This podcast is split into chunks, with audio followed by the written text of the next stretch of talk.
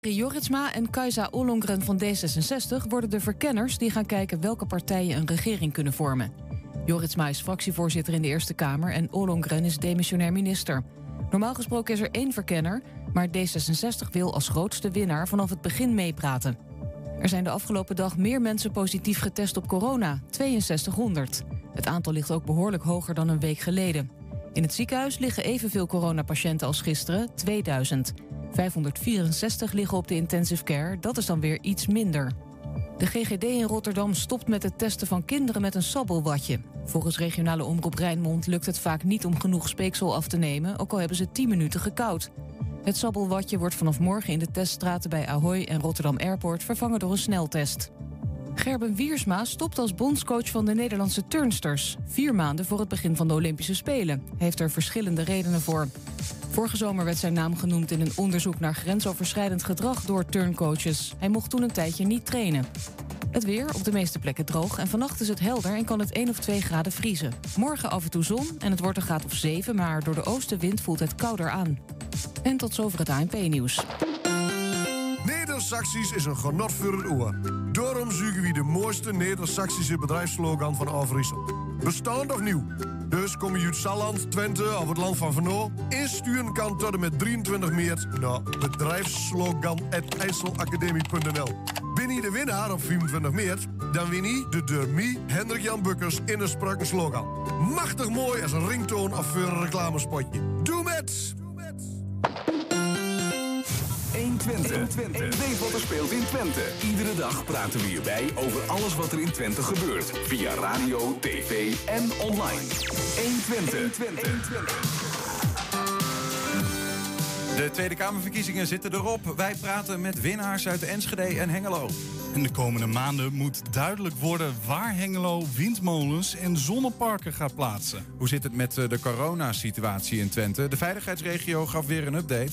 En in het Twents kwartierken duiken we uitgebreid in een stuk monnikenwerk. Ja, Letterlijk, letterlijk. ja letterlijk. Wat? Ja, letterlijk, letterlijk. Het is donderdag 18 maart. Dit is 120 vandaag.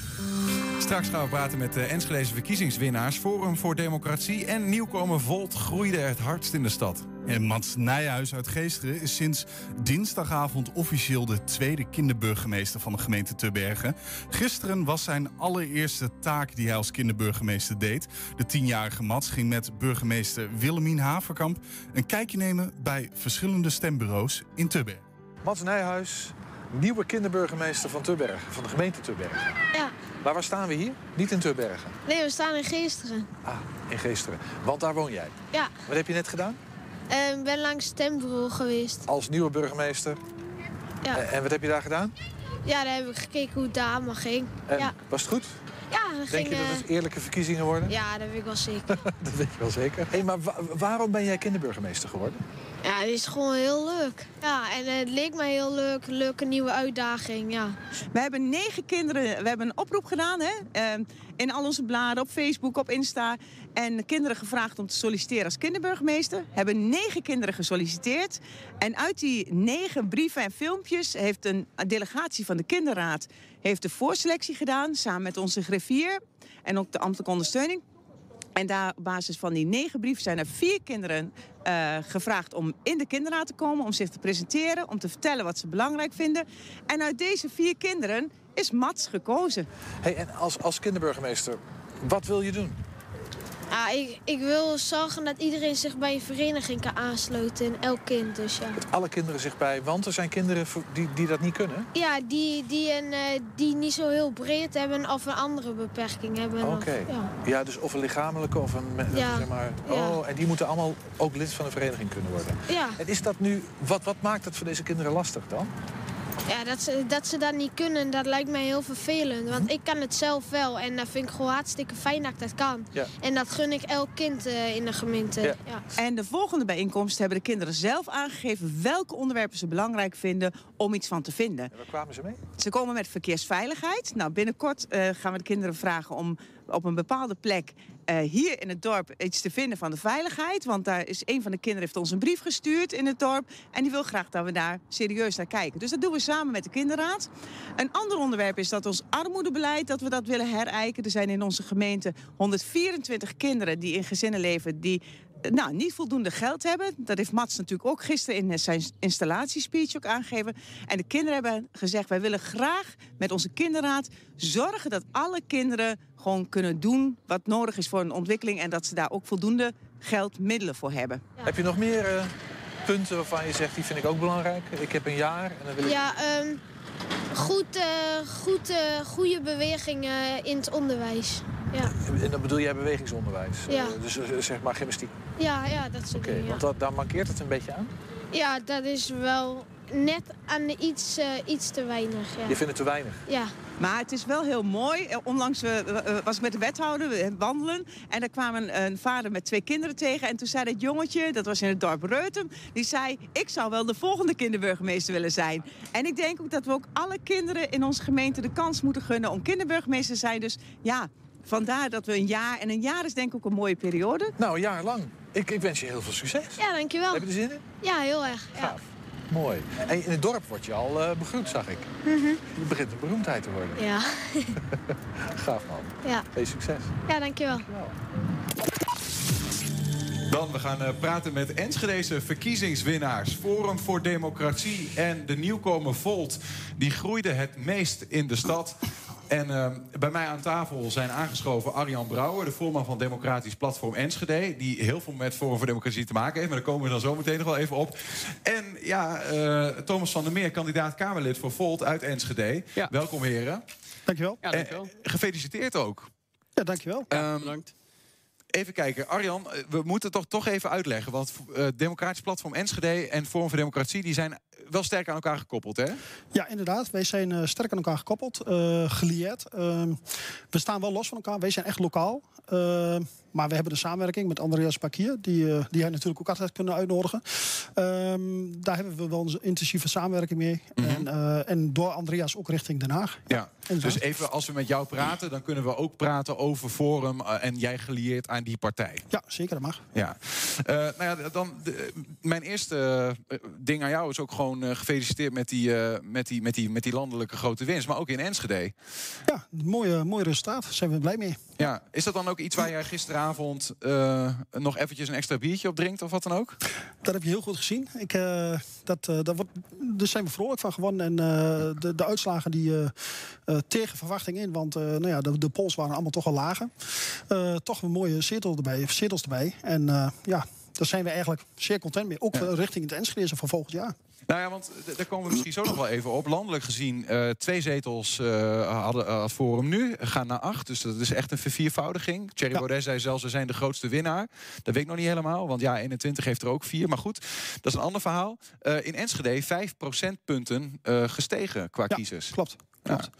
Dat is een mooie ontwikkeling. Dat, ja, dan weet je, Nederland verandert natuurlijk ook. En we vinden geen gehoor meer bij, eh, bij de reguliere politiek. Eh, ik denk dat eh, de meneer die tegenover mij zit dat ook kan beamen.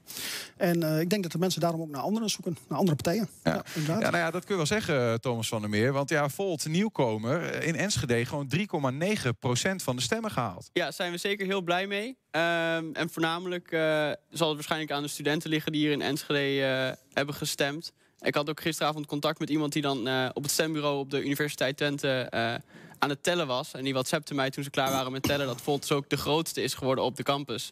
Dat is wel een, eh, een hele mooie Ja, overwinning. dat bleek eerder ook al uit een, eh, uit een onderzoekje van een eh, lokale krant hier. Hè. Die zeiden ook van, die hadden geloof ik 280 mensen gevraagd al voor de verkiezingen. Die zeiden toch wel opvallend, Volt de grootste. Ja, precies. Dat was van de, van de universiteitskrant. Had daar een peiling gedaan onder studenten en medewerkers van de universiteit. Maar dat bleef natu- natuurlijk een peiling. Maar het was wel mooi. En dat ik het wel een soort van zelf me het als doel gesteld om het waar te maken. En dat is uiteindelijk gelukt. Dus, eh. Maar komt dat ook daar vandaan, denk je? Die, vooral toch die stemmers? Zijn dat, zijn dat de studenten van de UT of van Saxion of Nou, ROC? Ik denk voornamelijk wel. Eh, en toch weer de, de iets meer progressievere Enschede'ers... die zullen waarschijnlijk op, op Volt hebben gestemd. Eh, dus wij denken wel dat het daar vandaan komt. Ja. Even voor je, jouw eigen positie. Jij stond nummer 19 uit mijn hoofd op de Ja, lijst van correct.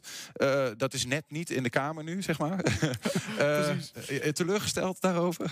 Nee, nee, nee. Ik was er ook al niet van uitgegaan dat, eh, dat ik in de Kamer zou komen. Mijn doel was voornamelijk om ervoor te zorgen dat we, dat we in Twente heel groot succes eh, ervan gingen maken. En dat is eh, denk ik wel gelukt. Ja. Hoe hebben jullie dat dan gisteren? ehm, want ik, ik, ik neem aan dat je dan in een appgroep zit met Laurens Dassen en de andere mensen die op de lijst staan of wat dan ook. Wat was de, wat was de teneur bij Volt? Ja, nou, één groot feest in alle WhatsApp-groepen. Ja, dus inderdaad wel een WhatsApp-groep met alle kandidaten dan van de lijst. Maar we hebben dus ook een WhatsApp-groep met, met alle Volt-leden uit Twente. Eh, daar is ook, eh, was één groot Ook feest. met iedereen uit Europa trouwens, want dan wordt het wel een hele volle groep. Nou, we hebben geen WhatsApp-groep met iedereen uit Europa, maar eh, daar hebben we een, zo'n Discord-kanaal van. En ook heel Europa, iedereen uit van Volt uit heel Europa heeft het gevolgd. Want we vandaag, of gisteren moet ik zeggen, die waren de eerste nationale verkiezingen waarbij Volt meedeed. Mhm. En in, op 4 april doen we in Bulgarije mee en volgens mij ergens eind september in Duitsland met de nationale verkiezingen. En wij hoopten dus door gisteren een succes te behalen... dat het een soort domino-effect zal veroorzaken naar de rest. Dus, dus heel Europa was eh, aan het spa- spanning eh, aan het kijken, zeg maar. Ja, ja, ja. Nou, dat, is, dat is gelukt in Nederland. Eh, drie zetels in de Ja. Tweede Kamer. Was dat overigens voor jou niet vanuit de Tweede Kamer, maar vanuit je eigen Kamer gisteravond of niet? Ja. Ja, ik zat zelf thuis achter mijn laptop de hele avond. We hadden een soort online omgeving, een soort Zoom-achtig gebeuren. Eh, waar we met, eh, met allemaal breakout rooms zaten. Op zich nog wel een grappig verhaal. Want we, wat, je had, zeg maar, elke regio had een beetje zijn eigen groepje dan waarmee je een beetje aan het praten was. En, eh, en de andere groepen die werden dan steeds kleiner omdat mensen naar bed gingen en zo. En dan gingen mensen rondkijken waar nog mensen over waren. Mhm. En ze kwamen allemaal bij Twente terecht. Want wij waren nog eens langs de doorgegaan. Oh ja? ja? Hoe laat was het voor jou? Nou, uiteindelijk ben ik er om vijf uur mee opgehouden. Eh, maar toen waren er nog eh, zeker wat mensen uit Twente biertjes aan het drinken achter de laptop. Ja, ja, dan zit je er nog relatief goed bij nu, Thomas. Ehm, Arjan, heb jij dan gisteren ook nog tot in de kleine uurtjes eh, alles gevolgd? Hoe doe je dat dan?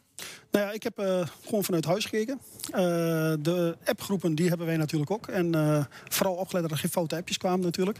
Ehm, maar in ieder geval, dus, daar waren ook ja, ontzettend enthousiaste mensen die ja, eigenlijk tot aan Ja. de heffen en weer terug eigenlijk. Ja. Hoe verklaar jij dan die forumwinst? Toch een vi- viervoudiging van 2 naar 8, na alles wat er gebeurd is. Ehm, ja, ik zou heel erg. Forum verkondigt een, eh, een goed geluid. Eh, een, eh, een geluid wat eigenlijk, eh, nou ja, bijvoorbeeld eh gooi in Nederland weer open. En ik denk dat daar, eh, ja. Ben je het daarmee wel- eens? Met die coronastrategie? Eh, Want daar heeft toch Baudet wel heel erg op ingezet. Nou ja, we- ja, ik ben het wel gedeeltelijk ermee eens. Eh tuurlijk, eh, de wetgever die bepaalt. Dus ik loop hier met een mondkapje naar binnen, inderdaad. Ehm, maar dat eh, social distancing, dat, eh, dat, ja, weet je. Luister, als ik jou zo meteen een hand geef en ik was mijn handen daarna. eh, Luister, volgens mij Ja. als ik naar de supermarkt ga, was ik ook na de tijd mijn handen. Ja, nou kunnen we daar inhoudelijk eh, eh, over discussiëren. Ehm, dat kan. Maar er is nog een, een ding wat, wat er een beetje boven zweeft... waarvan ik benieuwd ben wat je ervan vindt. Ehm, eh, Ipsos doet onderzoek naar wat mensen hebben gestemd... als ze eruit komen. Dat heet een exit poll uit het stemhokje. En dan vragen ze ook waarom heb je dat gestemd. En nou blijkt dat Forum... geloof bijna 75% van de kiezers van Forum... hebben gestemd op Forum vanwege die coronastrategie. Is dat ook niet... ehm, Zit daar ook niet een gevaar in dat er gekozen wordt op basis van een crisissituatie? Ehm, ja, maar ik denk dat het inherent is aan, aan, aan deze verkiezing eigenlijk. Het verbaasde mij ook dat het bijvoorbeeld helemaal niet over de toeslagenaffaire of iets anders ging eigenlijk. Ehm, maar dat is wel inherent aan, aan- ja, dat speelt op Ja, moment. maar straks is corona voorbij, jongen. De, hopelijk, hè. Even, Ja, is- we ik- hopen toch allemaal dat het einde van het jaar wel een beetje klaar is. En dan, eh, dan wil je toch ook op een partij stemmen... waarvan je zegt, die vertegenwoordigen echt al mijn standpunten... en niet alleen maar een coronastandpunt. Maar kijk, weet je, je zit natuurlijk eh, ehm, in, een, in een bubbel, verkiezingsbubbel. Hè, want je zit toch een beetje omringd door je eigen mensen. Ehm, ik probeer er ook heel vaak uit te treden. En dan hoor ik ook wel dat de mensen eh op wegens het programma eh, bij, bij een forum aanhaken. Maar inderdaad, er zit wel natuurlijk het... ja, op dit moment is corona natuurlijk hot. Eh, ja. corona houdt... Maar daar zie jij geen gevaar in. Dat, dat, dat een beetje een one-issue partij is op die manier. Nou ja, dat lijkt me sterk. Dat ze hebben wel meer, natuurlijk meer punten dan alleen het corona. En dan hoop ik dat de kiezer daar natuurlijk dan zich ook in verdiept heeft. Ehm, Thomas, Volt wint in Enschede. eh 3,9 procentpunt. Procent in dit geval. Eh, maar GroenLinks verliest 3,5. En nou denk ik, ehm, maar dat is mijn perceptie, correct me if I'm wrong, dat GroenLinks en Volt een beetje op elkaar lijken. Hebben jullie hun kiezers gestolen? Nou ja, ik denk dat we zeker op elkaar lijken, maar we hebben ook wel een aantal verschillen. Eh, en ja, kiezers stelen zou ik het sowieso nooit willen noemen, want kiezers maken gewoon elke verkiezing weer een eigen keuze. Ehm, maar we zien wel dat vanuit GroenLinks kwamen heel veel zwevende kiezers met vragen om bijvoorbeeld naar ons kernenergiestandpunt. En ik denk dat we, omdat wij zeggen, als we echt serieus zijn over klimaatverandering, moeten alle opties op tafel liggen. Dus moeten we tenminste openstaan voor kernenergie. En we zeggen niet direct bouw heel Nederland maar voor met kerncentrales, maar we moeten ervoor openstaan. Eh, en dat heeft denk ik ook wel redelijk wat GroenLinks-stemmers eh, over de streep getrokken om toch op vol te stemmen. Ja, dat kerncentrale standpunt van jullie, dat is eh, een ding geweest. Nou ja, ik denk het wel. Dat ik, daar kregen we tenminste, of kreeg ik redelijk wat vragen over vanuit GroenLinks-twijfelaars. Ehm, hoe kijk je dan voor de rest naar het verlies toch wel van links in de verkiezingen? Ja, persoonlijk vind ik het wel jammer eigenlijk. Ehm, ja, ik weet eigenlijk ook niet zo goed waarom dat komt. Want, want zelf zou ik denken, Rutte is tien jaar aan de macht. Als je iets anders wil, moet je niet op, op Rutte gaan stemmen. Maar eh, ja, dat weet ik verder niet. Ehm, Arjan, eh Forum voor Democratie, acht zetels, ja 21. Toch een beetje een klein eh, broertje, zusje, hoe je het ook wil noemen. Eh, vier zetels. Eh, vind je dat jammer? Want Forum had groter kunnen zijn, misschien wel. Ja, dat is, eh, dat is jammer. Maar dat is wel inherent aan, aan een jonge partij. Eh, een jonge partij, eh, daar gebeuren dingen. Eh, hier is ook eh, van alles gebeurd bij Forum, waardoor eh, eh, Eerdmans en eh Nanninga ze hebben gezegd van joh, daar nemen we afstand van. Ehm, is het jammer? Ja, denk ik wel, want het, het versplintert verder. Ehm, ik denk juist dat juist die, die, die samenwerking, dat had een kracht kunnen zijn. Ja, nu heb je dus vier en, twa- en eh, acht inderdaad. Ja. Ja, al heeft Baudet vandaag wel gezegd... laten we het verleden achter ons laten... en als we samen een coalitie kunnen vormen, dan doen we dat gewoon. Dus in principe zijn, eh, nou ja... De, de, de strijdbel is een beetje begraven. Zoals Ehm, het hoort. La- la- laten we even kijken naar de Enschedese situatie. Want ik ben wel benieuwd wat jullie mening daarover is. Wat zegt nou deze nou ja, winst voor jullie partijen over wat er in Enschede aan het gebeuren is? En misschien begin ik dan even bij jou. Ehm, volgend jaar gemeenteraadsverkiezingen. Doen jullie overigens dan mee als democratisch platform als, of als Forum voor Democratie?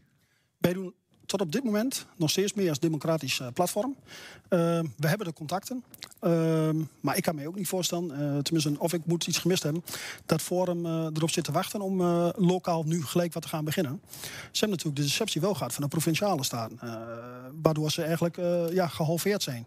Dus ik zeg op mijn beurt van, joh, hou het lekker eh, op afstand en ga allianties aan. En Mhm. eh, daar hoop ik ook op. En dat, eh eh, maar het vormgeluid is bij DPE eh, ja, goed, eh, goed eh, onder de aandacht. Maar denk je dat, dat, dat een winst voor Forum, eh, voor dat geluid in de Tweede Kamer volgend jaar vertaald wordt in winst voor DPE? Of is dat, is dat niet hoe het werkt? Nou, ik denk niet dat het zo helemaal precies werkt. Ehm, wij, zijn, wij, wij timmeren natuurlijk altijd aan de weg als democratisch platform. En dan ook met het, met het forumgeluid. Ehm, dus ik hoop eigenlijk dat het wel op die manier vertaalt. Maar ja, het is gewoon, het is gewoon eigenlijk wat je nou vraagt. Want eh, als je kijkt naar eh eh, Forum Amsterdam... die heeft eh, toch met het forumgeluid eh, voor vier jaar geleden... eh, of eh, voor drie jaar, ja, bijna vier jaar geleden... maar twee zetels gehaald. En wij hebben dan als DPE één zetel gehad. Dus ja, eigenlijk... Het is gewoon koffiedik kijken. Eh, Het is ook wat de kiezer eh, op dat moment eh, trekt. En wat de landelijke partijen ook doen. Dat, dat speelt zeer zeker mee. Ja, dus we hebben nog een jaar te gaan. Volt gaat volgend jaar wel meedoen met de gemeenteraadsverkiezingen, begreep ik. Maar ook in Enschede? Dat moeten we nog even kijken. We gaan nu eerst, eh, eerst een weekje niks doen. En daarna gaan we verder kijken met Volt eh, wat onze nieuwe doelen zijn. Wat realistisch is en waar we dat, eh, waar we dat wel en niet gaan doen. Eh, ik denk zelf in Enschede dat we wel redelijk mee kunnen doen. Dat we wel een kans maken. Juist ook omdat we zijn een Europese partij en de grens ligt hiernaast. Dus juist om die extra verbinding met Duitsland te zoeken... dat dat een geluid is wat Volt heel mooi in de gemeenteraad kan brengen. Ja. Hou jij je bezig met de Enschedese politiek? Ehm, zelf nog niet zo heel veel eigenlijk, moet ik eerlijk bekennen. Maar we hebben Kende zeker- jij Arjan Brouwer? Nou ja, ik ken de Democratisch Platform Enschede wel. Eh, had ik al zeker een keer van gehoord. Ehm, maar goed, we hebben heel veel mensen nu bij Volt eh, Twente of Volt Enschede zitten... Die, die zich daar wel mee bezighouden en ook mee willen bezig gaan houden in de komende tijd... om toch te kijken of er een mogelijkheid is om mee te doen voor de gemeenteraadsverkiezingen.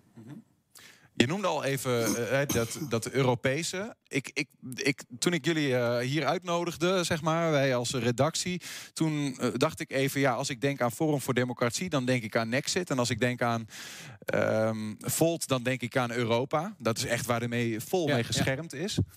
Ehm, ja, ik zou bijna zeggen fight, zeg maar. Ehm, eh, vertel eens, vertel eens waarom, waarom zijn jullie zo, pro- zo ontzettend pro-Europa? Nou ja, wij zien eh, Europa dus echt als een middel. Dus niet per se als een doel, maar een middel om bepaalde dingen op te lossen. Wij zien dat de, dat de wereld steeds kleiner wordt door, de, eh, door eh, globalisering. Maar dat de problemen als klimaatverandering, migratie, veiligheid, sociale gelijkheid... steeds groter en grensoverschrijdender worden. En wij denken als, als de problemen grensoverschrijdender worden... moet de politiek ook die grens over. Eh, zodat je aan beide kanten van de grens... met éénzelfde politieke partij die problemen kan aanpakken. Ja. Is het utopia van Volt een Verenigde Staten van Europa? Ehm, nou, we zijn zeker voor uh, op de lange termijn naar een federatie toe werken. Voor mij hoeft het niet de Verenigde Staten van Europa te heten. Maar een federatie betekent dat je één land bent met verschillende staten. Ja, maar dat kan dus, dus, dus uh, heel erg centraal zijn of juist heel erg decentraal geregeld. Uh, we willen gewoon nu eigenlijk de, de, de grensoverschrijdende problemen aanpakken op Europees niveau en doorgaan met die integratie. En dan komen we vanzelf op de lange termijn wel uit uiteindelijk bij zo'n Ja, federatie. ja. Dat is jullie doembeeld, toch? Dat is inderdaad het eh, doelbeeld van, eh, van Forum. Ehm, Vind jij Volt dan een duivelse partij? eh, joh, hallo. Volgens mij zijn het eh, twee tegenstellingen. Eh, en eh, ik denk dat je daarover moet discussiëren. Eh, met elkaar proberen eruit te komen. Ehm, maar een duivelspartij vind ik vergaand. Mhm. Nee, nee, maar wat, sorry. wat, is jou, wat, is, wat, is, het- wat is de schrik voor, als, je, als je denkt aan één Europa? Nou, weet je, kijk, we hebben natuurlijk over. eh, eh, Nederland betaalt altijd vrij veel eh, in Europa. Wij leveren veel in. Ehm, en als we het dan over de zuidelijke lidstaten hebben, ja, en de voormalige Oostbloklanden, nou, bijvoorbeeld de Vredestein, probeer dat maar eens bij jouw kiezer onder de aandacht te brengen in de Enschede. Dat, dat daar voor eh, 100 miljoen wordt geïnvesteerd, plus nog eens een keer, volgens mij, eh 7,5 miljoen voor die ringweg. En dat je dan op die manier zegt van hier verdwijnen de banen. Ja. Met Europees geld mag geen Hongarije weer gewerkt worden. Ja, maar goed, als je samen nog meer met elkaar gaat overleggen... kun je misschien dit soort dingen juist eh, voorkomen. Ehm, ja, maar we zitten nog in zo'n pril stadium en we geven al zoveel weg. Eh, en, en de subsidies die kant op, eh, dat is ja, onvoorstelbaar. Daar staan gewoon machinefabrieken die gewoon eigenlijk hier zouden kunnen staan. Maar hier staan we eigenlijk gewoon met oude pruttel te werk. Terwijl daar door de Europese subsidie een ontzettend eh, hoogwaardige industrie ontstaat. Ja. En Nederland is al een duur land qua, qua lonen. Dan, dan moet je je afvragen van, joh, is dat wel in het belang van Nederland dat dat gebeurt? Ja, en eh, dan kom je toch weer terug op een kenniseconomie. En zijn wij dan een kenniseconomie? Dus ja, er, er zit nog wel veel meer haken en ongen. Zit er, iets, zit er iets goeds in Europa? Ehm, ja, zeker. Eh, ik denk dat je die, eh, de, de vroegere EEG, het vrij handelen en dat soort dingen, dat, dat vind ik prima. Dus in dat opzicht, ja, denk ik dat daar ook wel wat goeds in zit, tuurlijk. Overal zit wat goeds in, hè? Andersom gezegd, Thomas, zit er iets negatiefs in Europa? Nou, zeker wel. Want eh, ik denk dat Volt een stuk eurosceptischer is op sommige punten dan mensen vaak verwachten. Oh, Want wij, ja, zien, inderdaad. wij zien dat hè, wij zien de Europese Unie dus als middel om bepaalde doelen te bereiken. Maar de huidige vorm van de Europese Unie werkt gewoon niet zo goed. Het is op sommige punten niet heel erg democratisch. Het kost veel geld, is niet zo efficiënt. Besluitvorming gebeurt vaak in achterkamertjes politiek. Dus wij zeggen juist, eh, ook om dat soort dingen zoals bijvoorbeeld dat die banen van Vredestein verdwijnen naar Hongarije te kunnen voorkomen. Juist Europa te hervormen, democratischer te maken. Zodat die uiteindelijk voor alle Europese burgers gaat zijn in plaats voor de, de andere onafhankelijke lidstaten eh, voor zichzelf. Ja, ja. Als, je, als je kijkt naar. We, we, we moeten toch hè, met elkaar in dit, dit land door één deur, zeg maar. Hè. Jullie kennen wellicht elkaars par- partijprogramma's enigszins. Dat weet ik echt niet zo goed. Maar weet jij iets over forum van, waarvan je denkt, nou, daar vinden we elkaar wel? Oeh, nou ja, ik moet zeggen, ik heb het, het verkiezingsprogramma van Forum niet heel erg eh, gebestudeerd. Ehm, dus daar kan ik eigenlijk niet echt Nee, iets over andersom? Nou, ja, ik denk sowieso, eh, je hebt het over kernenergie gehad. Eh, daar zijn wij een voorstander Ja, van. zeker. Want nou, net wat jij net zegt, van, joh, je kan overal wind... nou, dat zei jij niet, maar in ieder geval, daar denk ik dat je naartoe wil. Je kan overal windmolens plaatsen en, en een zonnepaneel. Maar ik denk dat het met, met kernenergie een kortere klap is. En eigenlijk investeer je dan ook in Nederland. Hè? Ik bedoel, en we hoeven echt niet in elke achtertuin een, eh, een kerncentrale te hebben. Maar volgens mij waren het er twee of drie, wat ik ooit eens gelezen heb... eh, dat voldoende zal zijn voor Mhm. Nederland. Kortere klap is niet helemaal waar trouwens. Hè. Windmolens staan er sneller dan een eh, kerncentrale. En volgens mij is het standpunt van Volt dat je gewoon allebei tegelijk eh, bezig moet gaan. Ja, precies. Want we hebben, we hebben klimaatdoelen op 2030 staan en op 2050. Mhm. De CO2-reductie van 2030 kunnen we niet met kerncentrales halen, want dat duurt te lang. Eh, dus daarom willen wij ook inzetten op zon en wind, zodat we tenminste 2030 die 49% CO2-reductie hebben. Maar aangezien een kerncentrale ongeveer 15 jaar duurt om te bouwen, kan in 2035 een kerncentrale staan, als we dat zouden willen. En dat zou wel kunnen bijdragen aan die klima- klimaatdoelen van 2050 Ja, klimaatneutraal zelfs als het ons hele dure stroom gaat eh, opleveren. Nou, volgens mij valt het best wel mee hoe duur een kerncentrale uiteindelijk is per stroom. En je zit, als je heel veel windmolens en zonne-energie eh, neerzet, heb je ook weer heel veel problemen met als er, als er veel weinig wind staat, als de zon achter de wolken komt. Dat kost ook heel veel geld op het stroomnet. Eh, en daar wil ik nog even op inhaken. Wat, wat meneer zegt aan de overkant, dat, dat klopt ook. Hè. Kijk, het is wel en-en. hè. Ik, bedoel, ik wil best wel op wind en op zon inzetten.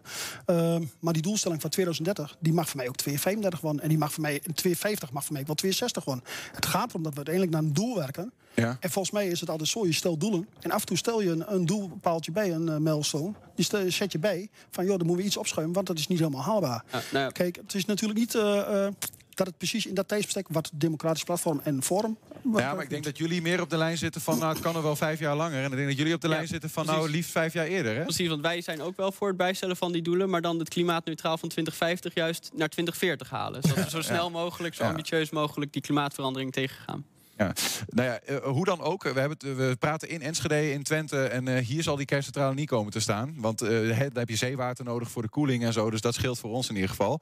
Ehm, eh, dank heren voor eh, een kleine duiding. En eh, nou ja, gefeliciteerd nogmaals met de, de, de winst. De groei van jullie partijen in deze stad en in het land. En eh, nou ja, geniet er nog even van. Dankjewel. Ja, dankjewel. Ja, de afgelopen maanden hebben inwoners en ondernemers uit Hengelo hun mening kunnen geven over plekken die zijn aangewezen voor het opwekken van duurzame energie. Dat gebeurt nu overigens niet alleen in Hengelo, maar ook in andere Twentse gemeenten. Ja, dit is het kader van de regionale energiestrategie Twente. Het onderzoeksbureau dat dit begeleidt gaat nu verder de diepte in. Ja, wat zijn namelijk de beste plekken in Hengelo om windmolens neer te zetten en zonneparken aan te leggen? Aan de telefoon is Ineke Nijhuis, eh, procesregisseur duurzaamheid van de gemeente Hengelo. Eh, Ineke, goedemiddag. Goedemiddag. Ja, binnen het Nationaal Klimaatakkoord is afgesproken dat we met z'n allen in 2030 de CO2-uitstoot willen halveren. De gemeente Hengelo wil dat bereiken met windturbines, zonneparken en eh, zonnepanelen op daken. Bos en Rijn is door de gemeente gevraagd dit proces in goede banen te leiden. Ja, waarom dit eh, onderzoeksbureau? Ehm Bos en Van Rijn is een gerenommeerd eh, onderzoeksbureau. Eh hebben heel veel kennis, zowel van, van zon via zonnevelden, het opwekken van, van zon via zonnevelden op het dak of op, eh, op een gevel of op een eh, parkeerterrein. Maar ook gewoon zonnevelden gewoon, eh, in, in eh, veldopstelling. En daarnaast hebben ze ook heel veel kennis van, eh, van windenergie. Dus het is echt een goed technisch gedegen eh, bureau. Die eh, partij die is niet nu pas eh, erbij getrokken. Hè? Want dit, dit, dit hele traject, windmolen zonneparken, loopt natuurlijk al een aantal jaren. Zijn ze eerder ook al. Eh, ja, wat hebben ze eerder al betekend? Ehm, wij eh, hebben Bos en Van Rijn eh, betrokken bij het, bij het proces vanaf september, augustus, september 2002, eh, 2020. Eh, want wij hebben namelijk eerst in Hengelo een omgevingsvisie en het wordt Hengeloos buitengebied opgesteld. Eh, en daar zijn, hebben we gekeken waar eventueel grootschalige elektriciteit opgewekt zou kunnen worden. Dus met, eh, met een eh, windturbine, via windturbines of via zonnevelden. Eh, daar zijn zoeklocaties uit naar voren gekomen. Maar die zijn natuurlijk wel best ruim ge- ingezet. En nu gaan we kijken van eh, als je dus naar die zoekgebieden kijkt, van waar zou dan ook eventueel eh, zoeklocaties kunnen plannen, plaatsvinden. En Bos en Van Rijn heeft een, een technisch onderzoek laten uitvoeren om te kijken van eh, naar heel Hengelo waar het zou kunnen en wat wenselijk is, maar ook of eh, de, de doelstellingen van Hengelo binnen eh, de zoekgebieden die in de omgevingsvisie staan ook daadwerkelijk realiseerbaar zijn. Dus even voor, voor, mijn beeld. Eh of Hengelo krijgt een opdracht om windmolens en zonnepanelen te gaan gebruiken. Bos en Van Rijn heeft in de eerste instantie wat grotere zoekgebieden eigenlijk geprobeerd te onderzoeken. Van waar, waar, moet je nou, waar moet je die dingen nou überhaupt neerzetten? En nu gaan ze nog specifieker kijken naar binnen die gebieden. Waar moeten ze nou precies komen? Ja, dat klopt. Nou, Ja. die Bos en Van Rijn was niet betrokken bij de omgevingsvisie eh Hengeloos buiten. Eh, zij zijn dus pas later aangehaakt. Ja, ja. Ehm, eh, waar, waar houden ze dan rekening mee in zo'n geval? Want je hebt dus een aantal gebieden waar je gaat kijken van... nou, hier moeten ze ergens komen te staan... maar specifieker waar dan binnen die gebieden... daar gaan ze naar kijken. Waar hou je dan rekening mee als Hengelo en als onderzoeksbureau? Nou, waar ze in ieder geval rekening mee houden, is de input die inwoners hebben geleverd bij, eh, eh, het omge- bij de omgevingsvisie Hengeloos buiten. Dat is het Eh, emotionele aspect dus waar je het nu over hebt. Zo van, wat, wat willen wij? Ja, dat klopt. en ook wat vinden onze inwoners belangrijk? En wat vinden bedrijven belangrijk? Wat vinden onze stakeholders belangrijk? En bij de omgevingsvisie Hengeloos Buiten, waar gewoon de, de zoekgebieden zijn bepaald, daar hebben de inwoners gezegd van kijk vooral ook gewoon naar de daken. Uh, benut die gewoon uh, om, om, zon op, of, om elektriciteit op te wekken. En leg die vol met zonnepanelen waar dat kan. Uh, gebruik ook vooral de bedrijven en industrieterreinen en de, de stad, stadsranden met bedrijvigheid. Ja. En daarnaast maak gebruik van de infrastructuur van de Rijkswegen. En daar gaan wij dus nu ook naar kijken. Wat bedoel je met dat laatste? Uh, wij hebben gewoon uh, in Hengelo hebben we de A1 uh, door Hengelo lopen. En de A35 loopt langs Hengelo. En maak daar ook gebruik van. Want langs de A1 heb je bijvoorbeeld ook de hoogspanningsleidingen, Ja. de hoogspanningsmasten. probeer dus eigenlijk aan te sluiten op die infrastructuur die er al is. Ja. Zodat je daar ook dat, dat het een. Het beeld een beetje gelijk blijft. Gaat het alleen om het beeld of gaat het ook om, want, want dat is misschien wel goed om erbij te vermelden. Je kunt wel bijvoorbeeld uh, op een bepaalde plek een windmolen willen hebben, omdat die denkt dat ligt lekker heel erg buitenaf. Maar dat is niet altijd even efficiënt. Hè? Als, die, als de afstand tot aan een centrale bijvoorbeeld te, te ver is en dat soort dingen, daar, daar wordt toch ook rekening mee gehouden? Ja, uiteraard. Daar wordt ook rekening mee gehouden. Daar wordt ook naar gekeken. En uh, als je kijkt dus uh, waar windturbines zouden kunnen, uh, dan heb je ook een afstand tot woningen. En uh, daar moet je ook rekening mee houden. Ja. Dus je zet een, een groot wind, of een windturbine zet je niet in het centrum van een stad, omdat je dan gewoon dus ook echt de afstand tot woningen gewoon dat die te klein wordt. Ja. Dus dat zijn allemaal aspecten waar rekening mee wordt gehouden. Nou ja, verder kijkt uh, Bos en Van Rijn ook uh, naar hoe het ingepast kan worden in het landschap. Wat kan het landschap aan? Maar ook de ecologische aspecten worden gewogen. Ja, duidelijk. En de, uiteindelijk, als je al die um, aspecten dan gaat afwegen... dan kom je op een soort van score van gebieden... en dan maken jullie een soort van volk, voorkeursvolgorde, toch? Ja, dat klopt. Want dan gaan we gewoon kijken... Um, van waar je dan op een gegeven moment het uh, zou kunnen beginnen, waar je dat ook het liefst wil hebben. Um, want uh, als je dan kijkt ook wat uh, de inwoners al hebben aangegeven van gebruik bedrijventerreinen en industrieterreinen en de stadsranden met bedrijvigheid, dat zou dan bijvoorbeeld een hogere voorkeur hebben dan de gebieden waar nu, wat, wat, nu gewoon groen is, Mhm. de stadsranden waar nu nog agrarische, daar waar de gronden liggen met, van agrariërs. Dus daar kijken we gewoon zeker naar. Ja, ja. De, in dit hele onderzoek is het ook echt zoals ook bij Klimaatakkoord in Nederland is besloten... alleen op dit moment zon en wind? Of wordt er ook nog naar alternatieve energiebronnen gekeken? Um, de alternatieve energiebronnen die wegen wel mee in onze doelstellingen. Uh, want, want wij hebben gewoon bijvoorbeeld ook uh, Twens die uh, elektriciteit opwekt en die dat ook voor gemeenten doet voor het gebruik van, van de eigen energie van, van 11 Twentse gemeenten. Mhm. En dat weegt gewoon mee in onze doelstellingen. Ja. En daarnaast hebben we gewoon de, riool, rioolzuiver, de rioolwaterzuiveringsinstallaties. die wekken ook elektriciteit op. Die, die maken biogas, die hebben van, van het slip. Uh, en, en het gas uh, gebruiken ze om uh, elektriciteit op te wekken. Ja. Die elektriciteit die telt ook gewoon mee in onze doelstellingen. Maar als je gaat naar wat exotischere verhalen, die bijvoorbeeld, ik noem kerncentrales, thorium, waterstof, dat soort dingen?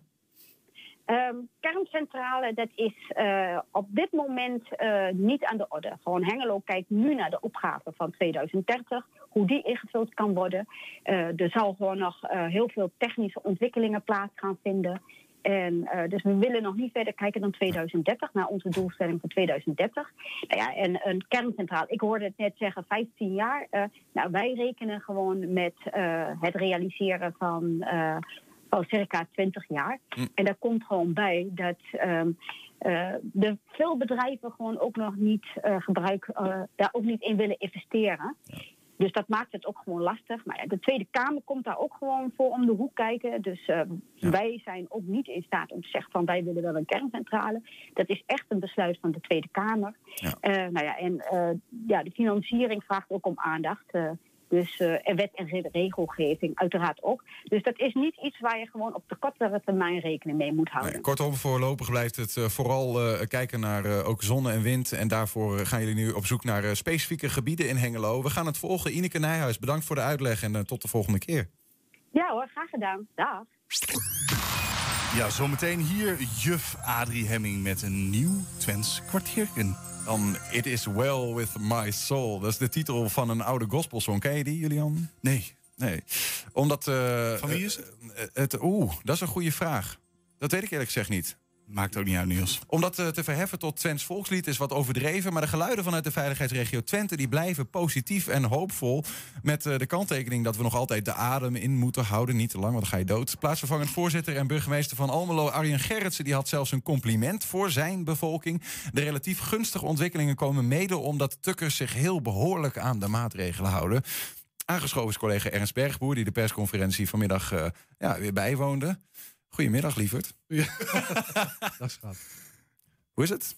Ja, goed. Ik vind het een beetje ongemakkelijk om erbij te zitten, ja, jongens. snap ik, maar je hoeft je verder ook helemaal niet Daar is zoveel hoor. Um, we, we, gaan aftrappen, want uh, we hebben veel te bespreken over dit thema. Het relatief gunstige weerbeeld houdt aan. Ja, het houdt inderdaad aan. De, de cijfers dalen in, in, in, uh, in, in Twente. Steken gunstig af ook zeg maar, bij landelijke cijfers. En dan gaat het over, weet je, dat zijn allemaal van ingewikkelde termen. Maar bijvoorbeeld uh, het vindpercentage, dat is het aantal testen dat gedaan wordt en hoeveel procent van die testen dan positief is, zeg maar.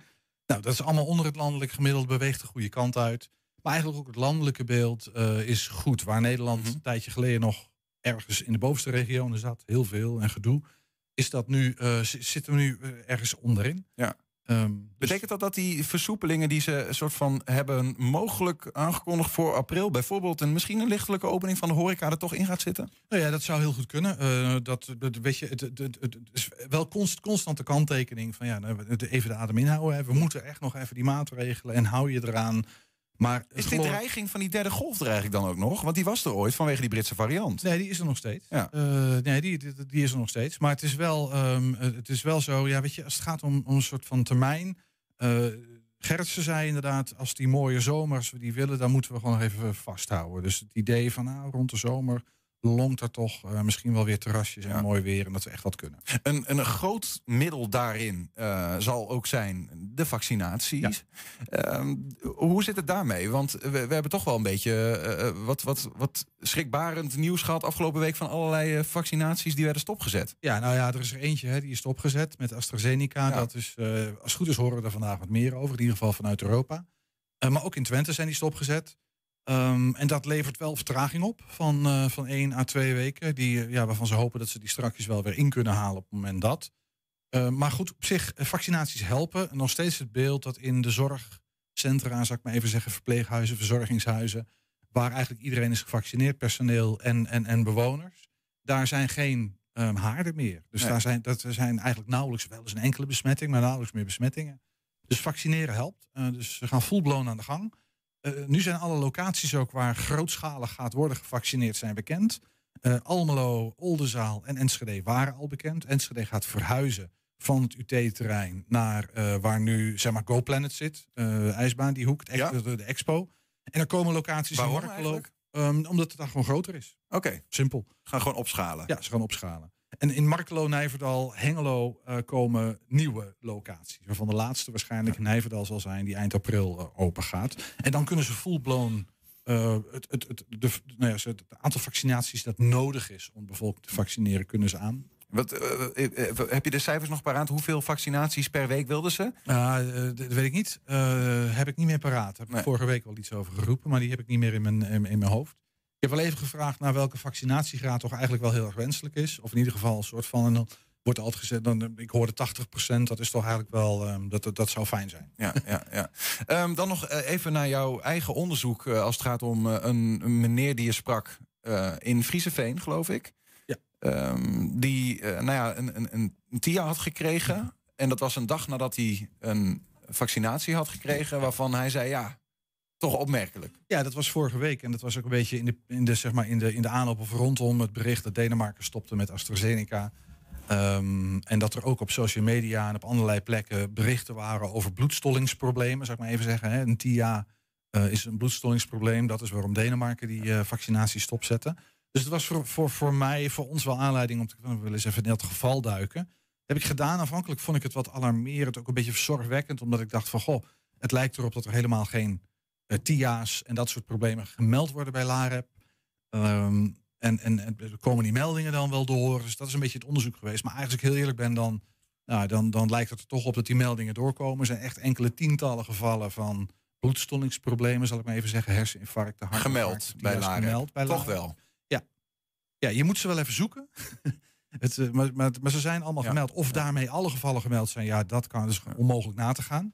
In dit specifieke geval van deze Twentse meneer is dat, ja, ik heb de huisarts gevraagd, maar die deed geen mededelingen natuurlijk uh, in verband met privacy. Maar goed, ik ga ervan uit dat huisartsen heel alert zijn op bijwerking, moet ik eerlijk zeggen. Dus ik mhm. ben eigenlijk wel wat gerustgesteld. Ik denk, nou, volgens mij komen die meldingen door. Ik heb vanochtend nog even gekeken naar, zeg maar, wat is nou het, het jaarbeeld? Hè, van hoeveel mensen krijgen nou een vergelijkbare aandoening? Geprobeerd dat een beetje te vergelijken met wat nu gemeld is bij LAREP. En dan weer in verhouding tot het aantal mensen dat gevaccineerd is. Een beetje zo'n soort sommetje, mhm. ingewikkeld. Maar in ieder geval, daar zie ik ook helemaal niet een, een beeld waarvan je denkt van, goh, opvallend meer of uh, integendeel zelfs. Maar deze meneer was gevaccineerd met het AstraZeneca-vaccin? Nee, die was gevaccineerd met Pfizer in dit geval. Dus dat was nog wel even een... Uh, maar ook die stollingsproblemen zie je bij alle alle vaccinaties. Oké, dus dat is niet alleen gelieerd aan AstraZeneca. Nee. Maar dat, dat roept dan weer de vraag op waarom alleen die vaccinaties zijn stilgelegd. Nou, daar zit een heel specifiek uh, probleem. En dat gaat over zeg maar, bloedstolling in combinatie met een heel, met heel laag aantal bloedplaatjes. Dat is mhm. een soort van typisch ziektebeeld. Ik ben geen medicus, maar het typisch ziektebeeld dat heel uitzonderlijk is en dat in Denemarken tot grote problemen heeft geleid bij, uh, bij uh, mensen die gevaccineerd waren. In Nederland is die combinatie volgens mij nu één keer aangetroffen. Ja. Je ziet dus wel TIA's, je ziet ook wel lage bloedplaatjes, een, lage waarde. Maar die combinatie schijnt. Uh, dat, dat, is, dat is waarom AstraZeneca is gestopt. En dat is in Nederland. Um, eigenlijk dat is bij de andere vaccins minder. Dat is alleen bij AstraZeneca en volgens mij in Nederland één keer nu uh, gezien. Ja, ja, combinatie. Ja, ja. dus wel, wel bloedstollingsproblemen. Hartinfarcten, herseninfarcten, uh, tromboses, weet je, dat soort dingen. Ja. En ook wel lage bloedplaatjes. Uh, maar, die, maar niet die combinatie. Nee. Ja, het klinkt altijd. Het is ook wel heftig. Hè? Aan de andere kant. Iedereen die ziek wordt, dat is natuurlijk vreselijk. Ja. En, en ik kan me heel goed voorstellen. Ja, weet je, elke dag krijgen er mensen bloedstollingsproblemen. Uh, dat, is, dat, is, dat is een orde van de dag in Nederland. Waarbij ouderen natuurlijk soms nog wat, wat, wat grotere risicogroep zijn dan, dan jongeren. Ja. Um, ja, en dat kan ook gebeuren als je gevaccineerd bent. Ja, wat is dan toeval, wat niet? Het blijft een beetje maar zoeken. in ieder geval goed om te horen dat het op de kaart staat en dat het gezien wordt. Ik want heb dat het idee dat ze echt de vinger aan de pols hebben. Ja, want dan, dan heb je in ieder geval dingen te zien zijn dat ze dan ook zullen iets Precies. zullen doen. Ja. Ernst, dankjewel ja, voor de update. gedaan. Dan gaan we door. Ja, want uh, het is tijd voor het, nou, ik wil zeggen het leukste moment van de donderdag, maar dan doe ik onze andere gasten zo tekort. Want het was al zo gezellig, maar het wordt alleen maar gezelliger, joh hoogtepunt van de week, hè? Het hoogtepunt van de week. Ja, dat, dat was gister, uh, gistermiddag, moet ik zeggen. Wat Niels, ja, waar is de tijd voor? Het is, het is tijd voor Twents kwartierken. Want Javari is in de house. ja. Ja, uh, nee, gisteren hadden we een staafje in de neus Ja, ik heb het gezien. Ja. Dat was een spannend, uh, spannend uitzending. Ja, wij ook. Ja, dat was heel mooi. Ja. Ik weet niet zeker of de deur nu een beetje voor de camera ja, staat. Zit ervoor. Uh, zit ervoor. Um, Adrie, welkom terug. Ja. Wij duiken het Twents kwartierken in met een terugblik uh, naar uh, vorige week. Toen hebben we vier nieuwe Twentse woorden geleerd. Om te beginnen met grove. Ja, maar dat, dat wil je natuurlijk niet. Hè? Dat, nee, je wil niet echt grove worden nee, gedragen, gedragen. Nee, de kans is weer verkleind sinds gisteren bij jullie. De begrafenis. Ja. En dan rachon. Rachon, ja, dus stelen. Wat een, belt. Ja, een heuvel. Van de Belties, daar ken ik er nog van. En Jenske. Ja. Het woord van de week. De warmwaterkruik, want die kende jij ook nog niet, hè? Nee. Dus die heb je ook uh, erbij geleerd. wel heel vaak. Jenske. Mooi met Jenske naar bed. En toen dacht de, de, de, de, vader van die vrouw die met Jenske naar bed ging... dacht, dat gaan we niet doen, meis. En toen dacht ze, dat doen we niet op jouw leeftijd. En toen dacht ze, maar het is maar alleen maar een kruik. Ja, ja. Uh, dan zometeen een nieuwe quiz waarin we drie nieuwe Twentse woorden gaan leren. En uh, nou ja, ingeleid door een video. En die gaat dit keer over monnikenwerk, letterlijk. Cameraman Tom stelde me net twee vragen. De eerste was, wat voor nieuw kapsel moet ik? Want ik heb coronakapsel. Ik zeg een monnikenkapsel. Tweede vraag, ga je het volgende item in de Twents doen? Ik zeg, tuurlijk niet, man. Dat kan ik ja niet. Uh, maar het volgende item van Indipo, de museumfabriek, gaat over en monnikenwerk. En het gaat over Twents. Ga je mee? Edwin was Toch weer een nieuwe ruimte. Ja. het is echt niet te Ik heb er geloven. nog één gevonden. Waar staan we eh, dan nog maar weer? Waar staan we hier? In onze tijdelijke bibliotheek. Op tijdelijke bibliotheek. Ja, alles is tijdelijk. Het is één grote verbouwing hier. Ja, ja, ja. Wij, gaan, wij gaan een bibliotheek maken straks. Maar wat, even, wat, wat is dit voor bibliotheek? Eh, Zijn dit leenboeken? Nee, dat kan ik me niet voorstellen. dat is het collectie. nee. Het, het is dus, ja, er zit tussen collectie. Je mag, Mhm. Straks mag je, eh, eh, bezoekers mogen er naartoe. Die mogen boeken inkijken. En er is altijd een medewerker van ons. Maar we lenen het niet uit. Nee, precies. Oké. Oef, Nou, er valt een hele hoop over te vertellen. Maar jij hebt er één onderwerp uitgepikt. We staan niet voor niks in de bibliotheek. Ja, eigenlijk een, een, wat een beetje weggepropt was in de bibliotheek. En dat zijn ehm, ja, dit soort dingen. Het zijn eh, woordkaartjes. Woordkaartjes? Ja. Even kijken hoor. Met geschreeuw de onmogelijkheid om een beetje plezierig en verstandig willen verbloemen. Oké. Eh, ik me niet onmiddellijk een lampje branden Nee. als ik dit zo voorlees. nee, oké. Wat is dit? Ehm, dit is het resultaat van een uit de hand gelopen hobby. ja, ja. Oké. Ja, ja. En, eh, Niet, ik- niet, van, niet van jou. Nee, eh, nee, niet van mij. Mhm. En, en een hobby die geleid heeft tot eh, de, de, ja, eigenlijk de dikke vandalen van het Twents. De, de Bijbel, eh, als het om de Twentse taal gaat. Precies. Ja. Het Twents woordenboek. Twents in woord en gebruik. Ja. Oudheidkamer van G.J.H. Dijkhuis. Dat is de hobbyist geweest. Gerrit Dijkhuis. Ja. Gerrit Dijkhuis. Ja. Nou ja, hobbyist, het is wel heel professioneel aangepakt. Ja, het is nogal een ding. Ja. Dus als je in Twents gaat scrabbelen, Dan moet je deze erbij hebben. dan hoort deze, als het hier niet in staat, is het geen Twents ongeveer. Precies. Oké, wauw, dat is nogal ja, wat. eh, Een Bijbel. Ja, er, is, zel- er is zelfs nog een deel 2 van. eh, dat heet ook eh, Wat nog niet in Dijkhuis staat. Oké. Gerrit Dijkhuis was, eh, werkte ooit zijn carrière begonnen in een fabriek. Ja. Daarna onderwijzer, hoofdonderwijzer van een school. Hier in Enschede hebben we het over. Eh, ja, hier in de regio. Ja. En eh, eh, gepensioneerd en gaat allerlei besturen zitten, hobbyen. Ehm, ja, maar goed, hij, eigenlijk had hij te weinig om handen. En toen hij een jaar of tachtig was, heb ik zo begrepen, eh, een beetje chagrijnig, te weinig te doen. hij dacht van, ik zoek een nieuwe hobby. Ik ga een woordenboek maken. Dan ben je 80. 80 was En dan denk je van, Ja. ik, ga, ik ga een woordenboek maken. Dat was ook echt zijn plan, een woordenboek maken. Ja, hij dacht er drie jaar voor nodig te hebben. Ja, en het werden uiteindelijk tien. Allemachtig. Hij heeft een, hij heeft een, eh, een kast getimmerd, of laten timmeren. Ja? Eh, en hij heeft een systeem verzonnen. En dat systeem is dat hij ehm, nou ja, allemaal eh, kaartjes, eh, hè, dus op, eh, Het al over. op, op eh, eh, alles met de A, met de B, hè, dus alfabetisch gewoon. Daar had hij eh, woorden opgezet, eh spreekwoorden, gezegdes. En ehm, hij heeft allerlei woordenboeken verzameld die er al waren. Ja, ja, Hè, er waren natuurlijk al, al een en ander aan woordenboeken. Eh, bijvoorbeeld van, uit, uit Rijssen, uit Wierden. Al die woordenboeken heeft hij verzameld. Dat waren dan eigenlijk zeg maar dialectwoordenboeken. ja, echt van die plaats zelf. Hij- ja, en hij heeft echt een Twents woordenboek willen maken waarin alles is samengebracht. Met alle varianten, alle spraakvarianten. Alles heeft hij vastgelegd in, in het boek. En dat deed hij met dit soort kaartjes. Ehm, het mooie is ook nog... Puppelen, populieren, Ja. puppelbomen. Ik bedoel, dit, dit is best voortvarend aangepakt. Hè? Een mooi kastje gemaakt. Eh, eh, maar als je dit dan gaat kijken... eh, de ene is ruitjespapier, de ander is een achterkant van een envelop, lijkt het wel. Ja. Eh, hij heeft Gewoon gewoon... echt een verzameling aangelegd van Twentse woorden. Ja. En die hier gerubriceerd in een kast. En uiteindelijk daar dit woordenboek van gemaakt. Ja, ja. Hey, en, en, en, En, en wij, wij hebben dus eh, drie van dit soort dozen. En daar zitten bij elkaar 24.000 kaartjes in. 24.000 kaartjes. Met andere woorden, 24.000 woorden. Ja. Dat is, echt, eh, dat is echt een enorm boekwerk, zeg. Wauw.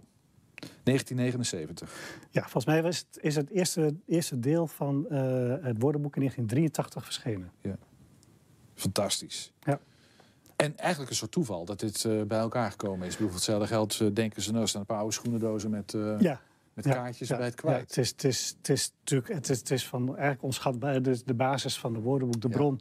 Ja. Eigenlijk net als dat je. misschien heeft een van die dames dit wel verkeerd opengetikt. Dan heb je hier nog de, de, de bron, hè? Mocht er een dispuut eh, overkomen, moet er Ja, dan, ja, nog dan- niet dan- een omlaut op of zo. Ja, dan ja, kun je hier nog terugzoeken van hoe het echt... Een eh, duikhuis hoe het- sprak. Ja. En daarmee was het laatste woord gezegd, hè? Zoiets, ja. ja. Mooi. Ik ben bang. We- weet je waarom? Eh, Adrie Hemming gaat nu ons op een quiz trakteren. En eh, ze baseert die quiz dan altijd op het woord eh, dat behandeld is, het onderwerp dat behandeld is in die video. En die video ging natuurlijk nu over een woordenboek. En dat geeft Adrie Hemming de ruimte om alle woorden die mogelijk zijn eh, aan ons eh, voor te schotelen. En dat maakt het niet makkelijker. Dat ga ik je vertellen. Laten we maar beginnen. Daar gaan we, Adrie. Ja, Cottons. Quizmaster Adrie. Cottons, nummer Nee, 1. ja, direct vliegen erin. Ja, wat is het? Cottons, is dat eh eh, katoentjes? Hè, van de katoentjes van de Nederlandse handelsmaatschappij... die altijd eh, verzonden werden naar eh, Azië. De cottons, ja? Katoentjes? Katoentjes, ja. Dat is, dat is een- stukje katoen. Ja, nou ja, de- vroeger was je natuurlijk eh, was hier een hele goede deal met de Nederlandse handelsmaatschappij. Stuurden ze allemaal katoentjes die hier gepro- geproduceerd werden naar eh, Azië, naar Indonesië vooral. En Ja. dat zijn de katoentjes. Oké, het is een Ja. Sinterklaas katoentje. Ja. Oké. A is dat dus? Dan hebben we B. B. Onlangs. Ja. Ja, of, C. Ja, er moet er wel weer iets, iets, iets smerigs bij zitten. Het is.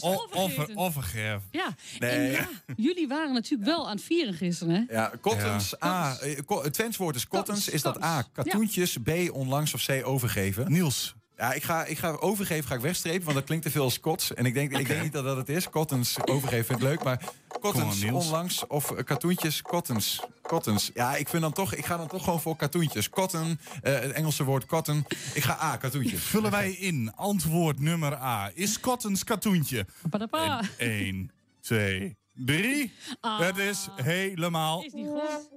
Nee, echt niet, Niels. Ja, ik kan er niks aan doen. Je moet gewoon weer Oh, hij opnieuw kijkt ook zo lekker Nou, zuur erbij. I love it. Dus cottons, Cottons. Ik een foutje gemaakt, Ja. namelijk net. Ja, Dat Cottons is onlangs. onlangs moeten Ja, zijn. Heel goed. Cottons Nou, week nog in. Eske West bijvoorbeeld. Ja, Ik, ik slik deze meloen in. Nummer twee. dit is ook wel moeilijk, hè? Rechtervoort. Rechtervoort. Rechtervoort. tuurlijk. Rechtervoort. Nou, wat is dat dan? Is dat A, is dat eh, onmiddellijk? Ja, Of Of B, is dat tegenwoordig? ja. Of is het C, voorrang? rechtervoort. Ja. Ik, ik ga direct zeggen dat het eh, C is. Voorrang, Eh, zeg jij? want eh, eh, eh, je, je gaat voort, een beetje fort. Ja, En eh, daar moet je rechter spelen, dus je hebt voorrang. ja, ja. Want, en rechts eh, heeft voorrang natuurlijk. Ja, dat is 100%. Ja. eh, en, en dan door drie delen. Maar jongens, niks is wat het lukt, nee, nee, nee, maar ik, ik, ik heb in, ik weet niet, maar mijn gevoel zegt eh, onmiddellijk. Zo van, je moet er rechtervoort doen. ja, nee, ik, Rechtervoort. ik, ik zat dus te denken van... oké, als ik dus direct weg moet gaan, weg is fort.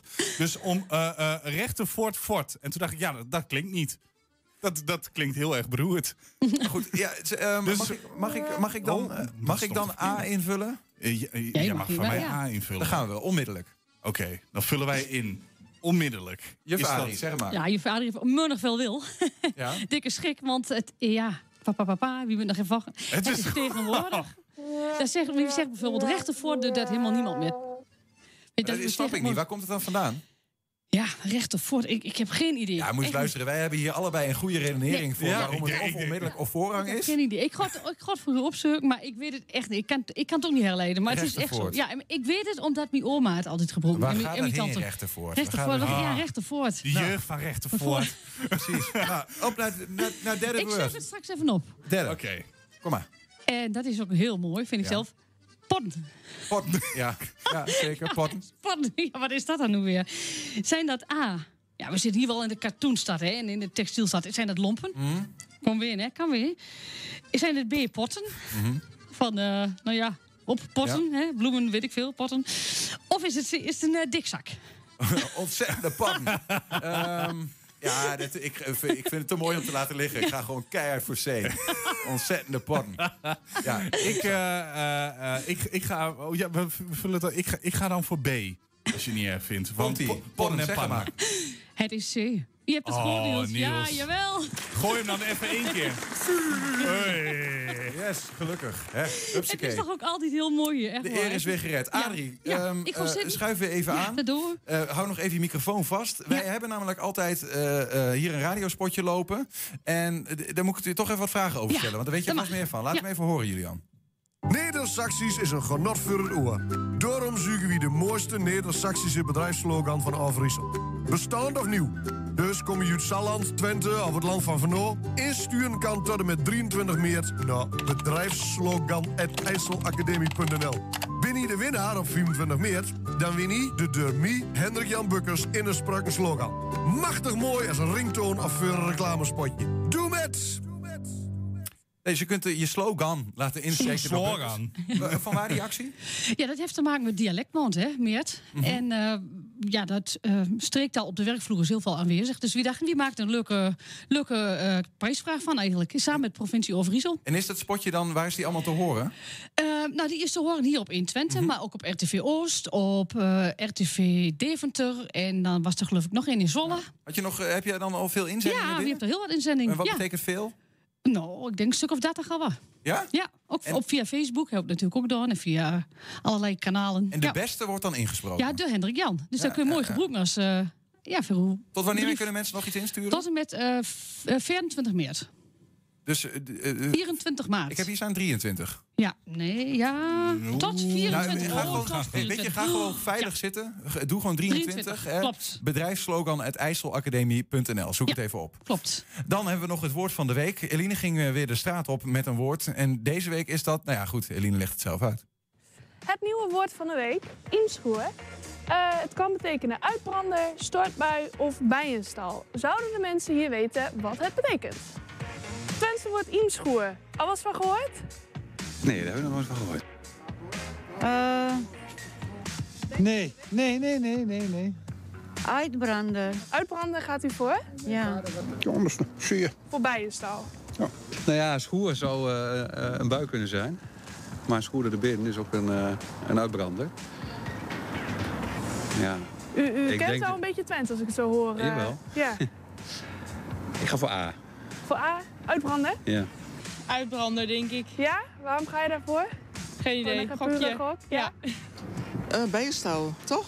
Bijenstal. Schoer. Ik denk schoer dat het schuur is. Wat een stal. En u mevrouw? Imenschoer. Ja, een eh, boerderij. Dat, dat is een stortbui, toch? Stortbui, waarom denk je dat? Eh, omdat vroeger op zo'n ding zat bij mijn oma thuis. Of een tegeltje? Of, Ja, zoiets. Jij gaat voor stortbui? Ik ga met stortbui. Nou, ik zou het echt niet weten. Maar als hij stortbui zegt, zeg ik ook stortbui. Jij gaat met hem mee? Ja. En jij? Ja, dan moet ik wel bijenstal zeggen. En waarom ja. ga je voor bijenstal? Ja, ik moet nog iets anders zeggen, anders is het ook zo saai. Schoer, kan wel op schuur Ja, bijenstal. Ja, dat vind ik wel mooi. Het begint hier een beetje te regenen. Misschien betekent het ook wel stortbui. We gaan even door. Goedemorgen. Het Twentse woord imschoer. Hebben jullie daar al eens van gehoord? Nee. Denk je te weten wat het betekent? Uitbrander, stortbui of bijenstal? Dat denk ik bij je stal. En waarom ga je voor bijenstal? Ja, im, imker, imker, ja, geen idee. Ja, imschuur, bij je stal. En wat denk je dat het betekent? Weet ik niet. Nog nooit van gehoord? Nee. U begint te lachen. Ja, met Twente is niet geweldig. Dan gok ik... Oh, dit wordt heel slecht. Bijenstal, denk ik. En Maar waarom eh, bijenstal? ja, schoer doet me iets denken aan schuur of zo. Dus ik denk dan zal het... Het komt dan stal nog het dichtst in de buurt. Jullie uit Twente? Ja. Gokje wagen, uitbrander, stortbui of bijenstal? Wat denk jij? Stortbui. En jij? Ik denk eh, uitbrander. Nou, spier uitbranden. nee, uitbrander denk ik. Denk C, bijenstal. En waarom gaat u daarvoor? Ja, gevoel. Had u het woord al wel eens ergens anders gehoord? Nee. Van een eh, pure gok? Puur gok, ja. Een schoer, ik denk ja, dat zou schuur kunnen zijn. Dus bij een stal, op die manier. Bij een stal zo. Ik denk uitbrander. Waarom ga je voor bijenstal? Eh, nou ja, het lijkt iets Twents voor mij, maar ik weet niet. Jij ging, Ja, ik heb geen idee. Bijenstal. En waarom eh, gaat u daarvoor? Nou, een schoer, een schu- schuur. Dus eh, Yes, alle drie de antwoorden eigenlijk wel een paar keer gehoord. Ehm, uitbrander hadden wat mensen ook een eh, bepaalde uitdrukking bij. Stortbui, buienstal ook een paar keer gehoord. Wij gaan snel naar binnen, want de stortbui hier begint elk moment volgens mij. Maar wat zou het betekenen? Ja, ja, ja, ja. We zijn weer binnen. Ehm, ik, heb, ik, ik weet het dus ook niet. Eh, maar ik vond de uitleg eh Iemen, Imker en Schoer, Schuur, Bijenstal wel mooi. Maar ik weet ook dat Donderschoer, was een van de eerste edities van Twentse kwartierken. Dat was een, een donderbui, zeg maar. Dus ik ga toch voor stortbui, Iemen, Schoer. Maar Adrie, verlos ons. Oh nee, het is echt eh, een bijenstal. Het is toch een Imschoer, bijenstal? Ja, ja, ja. Imschoer. Ja, maar je kunt wel een woord voor meerdere dingen gebruiken. Hè? Dus, eh, Ja, nee, dat is weer... Ja. eh, gewoon streng zijn, Bijenstal, Ja, nee, hebt, ja, imschoer. Maar ik bedoel, je hebt ook wel eh, woorden die meerdere betekenissen hebben. Dus zoals Ja, ja. schoer ook Precies. Iemschoer bij een stal dus. Dan weten we dat ook weer. Dankjewel. Grootgaan. Dan er waren een paar kandidaat-Kamerleden met Twentse roots in de race voor een Kamerzetel. Maar nu er ook is opgetrokken, lijkt het erop dat alleen Pieter Omtzigt en Hanneke van der Werf zeker zijn van een stoeltje. CDA-politicus Omtzigt zit er natuurlijk al jaren, maar D66 Hanneke van der Werf is nieuw. In Hengelo geboren en in Haaksbergen getogen eh, en in Rekken opgegroeid. Sorry. Eh, van der Werf be- beleefde vandaag haar vuurdoop als Kamerlid. Hanneke, goedemiddag. Goedemiddag. Allereerst gefeliciteerd. Dankjewel. Onvoorstelbaar, of niet? Zo'n winst. Of had je het wel eh, voorgesteld? Nou, voor mijn eh, eigen plek was het natuurlijk niet zo spannend meer. Eh, ik stond op plek 9 en we peilden al een tijdje rond de 15 en steeds meer richting de 20. Maar deze uitslag had ik niet durven dromen. Nee, nee echt, echt vet op het droge ook, zeg maar, met zo'n uitslag. Zeker, Ja. zeker. Waar was je gisteravond eh, toen, eh, toen je hoorde dat het zo uit de hand liep voor eh, D66 aan de goede kant? Eh, nou, wij eh, eh, we waren met een paar mensen op het eh, partijbureau hier in Den Haag. We hadden om eh, half negen een eh, Zoom-sessie voor alle leden van D66 georganiseerd. Het was natuurlijk niet een eh, gezellige uitslagenavond met een drankje en schermen. eh, Ja, wel jammer, hè? Ja, dat was natuurlijk wel jammer. Maar ehm, ja, ik heb samen met eh, Jan Paternotte eh, een soort eh, ja, eh, half uur eh, voor de leden eh, gepresenteerd naar de exit poll toe. En toen was het negen uur en toen gingen wij snel zelf ook naar de tv kijken. En toen ja, gebeurde er, kwamen we er zo hoog uit dat ik wel even met de open mond stond te kijken. Ja, en wat gebeurt er dan op zo'n moment binnen de D66? Ja, weet ik veel, appgroepen, Zoomgroepen. Ehm, nou, ik moet heel eerlijk zeggen, ik heb eh, mijn telefoon nog niet bijgewerkt. Ik heb inmiddels eh, zit ik tegen de 200 appjes aan. Ik heb een paar mensen wel even een berichtje gestuurd en mijn ouders gebeld. Eh, maar ik ga daar vanavond even goed de tijd voor nemen. En hoe laat is het voor jou dan geworden? Is het dan enorm feest tot diep in de nacht? Of? Nou, nee. Kijk, ehm, eh, je zit natuurlijk nog steeds met corona. Dus een eh, uitgebreid feest is er natuurlijk sowieso nog niet in Nee. deze situatie. Maar eh, ik heb wel even een biertje gedronken en ben tot een uur of, ja, ik geloof elf of zo gebleven. En toen ben ik naar huis gelopen. Ja, ja. En ja, je, ik kan dan toch de verleiding niet weerstaan om nog even wat nieuwe uitslagen te kijken die binnenkomen. En toen ik vanochtend wakker werd, checkte ik natuurlijk wel meteen, oké, hoe staan we er nu voor? Dus ja, het, het is, dat blijft natuurlijk spannend. Ja, en toen zag de wereld er nog steeds rooskleurig of misschien wel groenkleurig uit. Ja, zeker. Ja, ja, ja. Nee, we hebben echt eh, een heel, eh, heel mooi resultaat behaald. En eh, ja, ik ben echt onwijs trots op hoe Sigrid Kaag het heeft gedaan de laatste weken. Die tv-debatten gingen natuurlijk heel erg goed. En, Is zij daar, is zij daar een groot deel, ehm, ja, heeft zij daar een groot, groot aandeel in, denk je? Ik denk het wel. Ehm, ik denk dat zij het geluid van D66 op een hele eh, prettige manier voor heel veel mensen op de kaart heeft gezet. Ik, ik heb wel heel veel mensen uit mijn omgeving gehoord die niet per se D66'ers zijn, maar eh, de beschaafdheid van haar verhaal wel heel erg aansprak. En ik merkte ook wel dat eh, D66 is natuurlijk een partij in het midden, heel vaak de tweede keuze geweest van veel mensen. En eh, als ik afging op de berichtjes die ik de afgelopen dagen kreeg, merkte ik dat het voor heel veel mensen de eerste keus werd. Dat ze nog even checkten van, hé, hey, hoe zitten jullie ook alweer eh, hè, op dat eh, standpunt in het onderwijs? Of wat doen jullie ook alweer met wonen? En dat ze eigenlijk heel makkelijk zeiden van, oh ja, nee, dat spreekt me wel aan. Nou, ik ga deze keer op D66 stemmen. Ja, waar komen ze vooral vandaan dan? Ja, ik, ik heb zelf het gevoel VVD, maar ook wel GroenLinks. Ehm, maar ja, dat, dat zal natuurlijk per persoon verschillen. Je weet natuurlijk ook nooit. eh, er zitten natuurlijk ook veel nieuwe kiezers tussen, veel jonge kiezers. Ehm, ja. Hey, en Hanneke, nou, nou, nou zou ik denken van, nou, dan is het klaar. Hè? Dan kun je vanochtend, eh, eh, gisteravond om 11 uur naar huis. eh, misschien nog een biertje thuis, dan in de veren en dan kun je even uitslapen. Maar dat zat er niet in, hè? Nee, wij moesten hier vanochtend op tijd aanwezig zijn. We hadden alweer een eerste fractievergadering in een eh, groter zaaltje dan de fractiekamer van de huidige D66-fractie. Want daar pasten we niet in met deze grote groep. Ah, Eh, mooi. Dus dat, eh, dat was wel heel leuk. En vanmiddag eh, ga je dan door de zogeheten wasstraat. Want je moet natuurlijk een hoop paparazzen eh, regelen hier met nieuwe IT-accounts en ja, een foto maken voor, eh, eh, voor de, nou, de, de, de kamer, eh, het eh, gezichtenboek hier. En je moet een, eh, ja, allerlei dingen ondertekenen en de geloofsbrieven regelen. Dus daar ben ik de afgelopen... de wat voor de geloofsbrieven?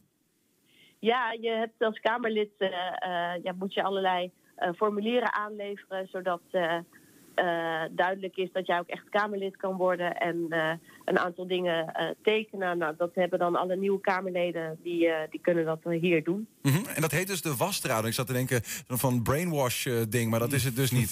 wat je dan. Nou, de, de wasstraat is een populair woord hoor. Het, Ja. het wil eigenlijk vooral zeggen dat je heel snel eh, alle zaken hier zoveel mogelijk op orde probeert te krijgen. Maar dat maakt het wel een eh, intense dag zo. Ja, ja. Nou, ben jij, niet- je bent geen nieuwkomer. We hebben ik hier eerder gesproken hier in de studio. Geen nieuwkomer in de Tweede Kamer zelf. Hè. Je werkt voor de D66-fractie ook al een tijdje. Eh, Ja. ben- je dan vandaag nog voor dingen komen te staan waarvan je dacht... hé, hey, dat wist ik helemaal niet.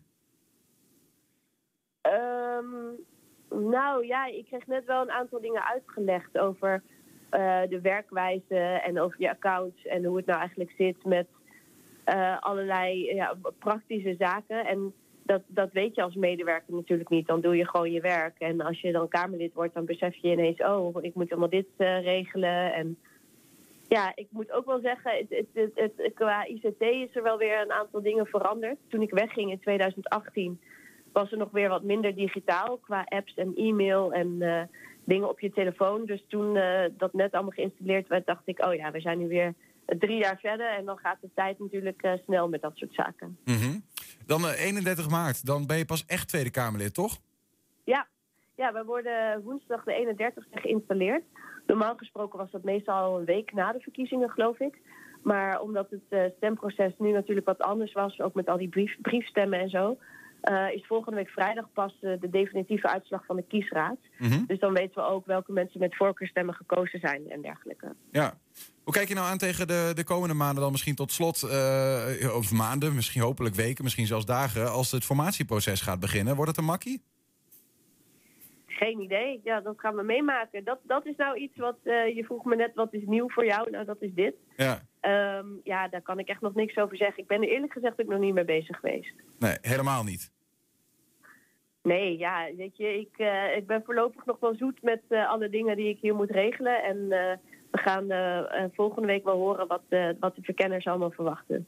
Duidelijk verhaal. Hanneke van der Werf, dankjewel. Gefeliciteerd met de mooie winst. En nou ja, succes de komende vier jaar in de Tweede Kamer, als het vier jaar zijn. Ja, dankjewel. Ik, ik ga mijn best doen. Heel mooi. En kom nog eens langs als je in de buurt bent. Nou, hartstikke leuk. Ik, eh, en tot slot, als, ik, eh, als ik alle kiezers uit het oosten eh, hier heel hartelijk mag bedanken, dat, dan doe ik dat graag. Want ik, we moeten volgende week vrijdag natuurlijk de, de uitslag zien. Maar ik heb een hele hoop berichtjes gekregen van mensen uit Enschede, Hengelo, Haaksbergen die op mij hebben gestemd. En dat geeft een heel warm gevoel. Ontzettend bedankt. Bij deze, Hanneke van der Werf, dankjewel. Dankjewel. Ja, en tot zover ook 120 vandaag. Terugkijken kan direct via 120.nl. En vanavond om 8 en 10 uur zijn we live. Of zijn we niet live, zijn we te zien op televisie. Zometeen hier Henk Ketting met een nieuwe kettingreactie. Wij wensen jullie veel plezier en tot morgen. 120. Weet wat er speelt in Twente. Nu het ANP-nieuws. Goedemiddag, ik ben René Postma. VVD'er Annemarie Jorritsma en Kajsa Ollongren van D66 worden de verkenners die gaan kijken welke partijen een regering kunnen vormen. Jorritsma is fractievoorzitter in de Eerste Kamer en Ollongren is demissionair minister. Normaal gesproken is er één verkenner, maar D66 wil als grootste winnaar vanaf het begin meepraten. Er zijn de afgelopen dag meer